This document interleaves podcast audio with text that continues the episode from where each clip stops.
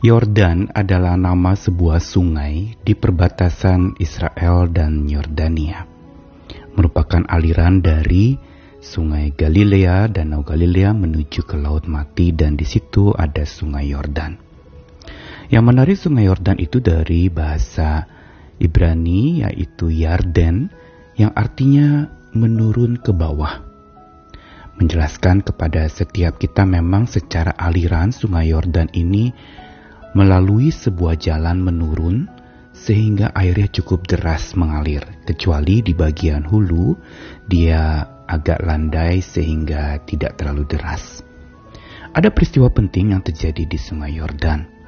Yang kita tahu pasti adalah pembaptisan Tuhan Yesus oleh Yohanes Pembaptis.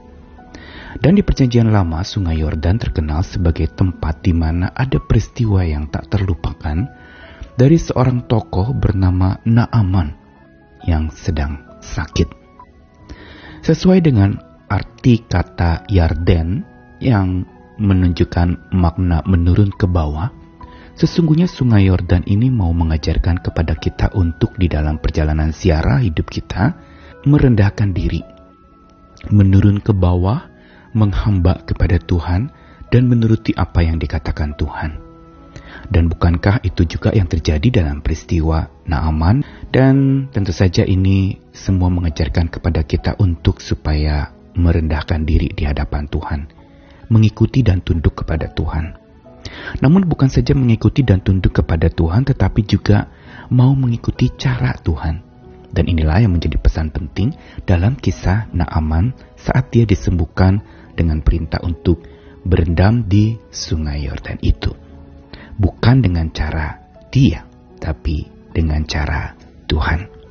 Saya Nikolas Kurniawan menemani di dalam Sabda Tuhan hari ini dari dua Raja-Raja pasal 5 ayat 10 sampai ke 14. Elisa menyuruh seorang suruhan kepadanya mengatakan pergilah mandi tujuh kali ke dalam sungai Yordan, maka tubuhmu akan pulih kembali sehingga engkau menjadi tahir. Tetapi pergilah Naaman dengan gusar sambil berkata, Aku sangka bahwa setidak-tidaknya ia datang keluar dan berdiri memanggil nama Tuhan Allahnya, lalu menggerak-gerakkan tangannya di atas tempat penyakit itu, dan dengan demikian menyembuhkan penyakit kustaku. Bukankah Abana dan Parpar sungai-sungai Damsyik lebih baik dari segala sungai di Israel? Bukankah aku dapat mandi di sana dan menjadi tahir? Kemudian berpalinglah ia dan pergi dengan panas hati. Tetapi pegawai-pegawainya datang mendekat serta berkata kepadanya, Bapak, seandainya nabi itu menyuruh perkara yang sukar kepadamu, bukankah Bapak akan melakukannya? Apalagi sekarang ia hanya berkata kepadamu, mandilah dan engkau akan jadi tahir. Maka turunlah ia membenamkan dirinya tujuh kali dalam sungai Yordan, sesuai dengan perkataan abdi Allah itu lalu pulihlah tubuhnya kembali seperti tubuh seorang anak dan ia menjadi tahir. Kisah pada masa Elisa yang melayani di masa Naaman ada adalah sebuah kisah pembelajaran tentang bagaimana kita mengikuti cara Tuhan bukan dengan cara kita. Tentu saja Tuhan Maha Penolong, Dia bisa menolong kita. Tetapi cara Dia menolong juga kita patut perhatikan. Kalau kita mau ditolong tapi dengan cara kita, jelas sebenarnya kita tidak pasrah betul kepada pertolongan Tuhan. Kita mau ditolong tapi dengan cara kita. Dan itu berarti kita seperti tidak patuh dan tidak mau taat kepada Tuhan. Dan di dalam kisah ini jelas sekali Naaman gusar ketika dia diminta saat dia ingin sembuh karena sakit kusta yang dia alami seorang petinggi seperti Naaman menderita kusta itu adalah wow sesuatu yang sangat mengerikan. Akan dijauhkan secara sosial akan dianggap kena kutuk dewa dan sebagainya. Dan penyakit ini mematikan. Sehingga lalu kemudian dia mohon datang kepada Elisa untuk supaya dia bisa sembuh. Dan perintah dari Elisa menyuruh seorang suruhan mengatakan pergi mandi di sungai Yordan. Tujuh kali dan gusar yang tak aman ini sebenarnya mewakili gusarnya kita saat ketika Tuhan menjawab doa kita berbeda dengan apa yang kita inginkan. kita sepertinya jadi mau mengatur-ngatur Tuhan sama seperti Naaman. Yang dia berpikir bahwa dia disembuhkan bukan dengan cara merendam diri, mandi di sungai Yordan yang tidak terkenal pada waktu itu. Dia pikir dia akan disembuhkan dengan cara abdi Allah atau si penyembuh itu berdiri memanggil nama Tuhan, menggerakkan tangan ke atas penyakit itu, dan dia sembuh. Naaman membuat caranya sendiri dan dia mau pakai cara itu untuk supaya dia bisa sembuh. Dan yang kedua penolakan Naaman terhadap cara Tuhan adalah dia melihat ada sungai-sungai yang lebih baik daripada sungai Yordan. Abana dan Parpar, sungai-sungai di Damsyik, yang memang pada saat itu lebih populer, lebih bersih, juga lebih dikenal oleh orang-orang pada waktu itu dibandingkan sungai Yordan. Memang airnya deras dan juga cukup berbahaya, dan kita lihat bagaimana Naaman pergi dengan panas hati. Tapi pegawai-pegawainya membujuk dia sambil berkata bahwa bukankah mandi dan jadi tahir itu dapat engkau lakukan? Akhirnya memang kita lihat bagaimana Naaman menurunkan gengsinya, dia turun ke bawah merendahkan dirinya mengikuti cara Tuhan bukan cara dia. Naaman seorang pemimpin. Biasa dia mengatur-ngatur bawahannya. Tapi kali ini ketika Tuhan mau mengatur dia dengan cara Tuhan, dia protes. Namun kita lihat bagaimana akhirnya lewat bujukan pegawai-pegawainya.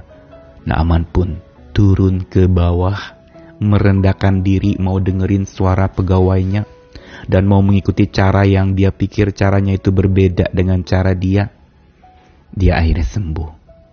Kisah ini sederhana mau mengajarkan kepada kita untuk mengikuti cara Tuhan di atas segala cara kita yang kita pikir itu benar, yang kita pikir itu baik buat kita. Kita punya masalah hutang dan kita mohon Tuhan berikan jalan keluar dengan caraku. Atau kita sakit dan kita berdoa, kita bilang Tuhan sembuhkan saya dengan caraku.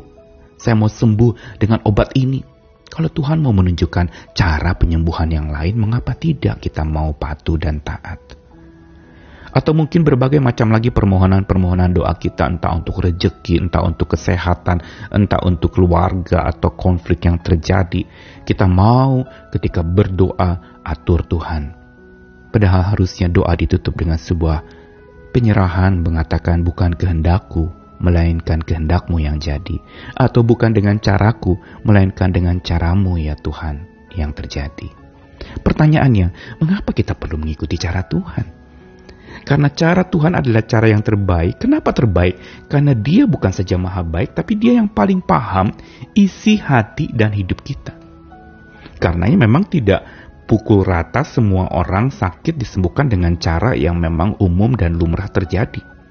Tuhan bisa melakukan cara-cara yang berbeda dari yang kita pikirkan.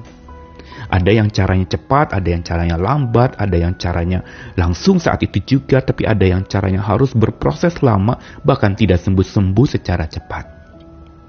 Pelajaran kita hari ini adalah kita mau belajar bahwa orang yang suka bawa caranya sendiri akan sulit untuk suka cara Tuhan yang tak terpahami dan tak terselami itu.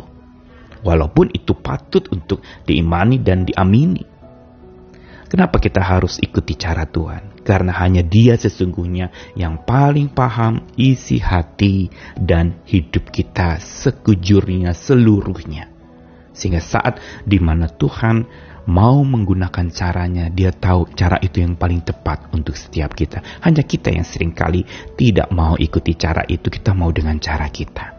Mari belajar seperti istilah Yarden, Sungai Yordan yang menurun ke bawah. Biar hati kita dalam ziarah hidup ini menurun ke bawah, tunduk berserah, taat dan patuh, dia Tuhan dan kita hamba, dia pengatur dan kita yang diatur, dia penentu dan kita adalah pembantu serta hamba-hambanya. Ikutilah caranya.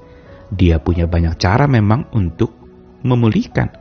Tetapi cara setiap orang satu dengan yang lain berbeda-beda. Pasrahlah kepadanya, percayakanlah semuanya yang terbaik Tuhan akan berikan dengan caranya yang terbaik pula. Tuhan mengasihi kita sekalian. Semangat lagi. Amin.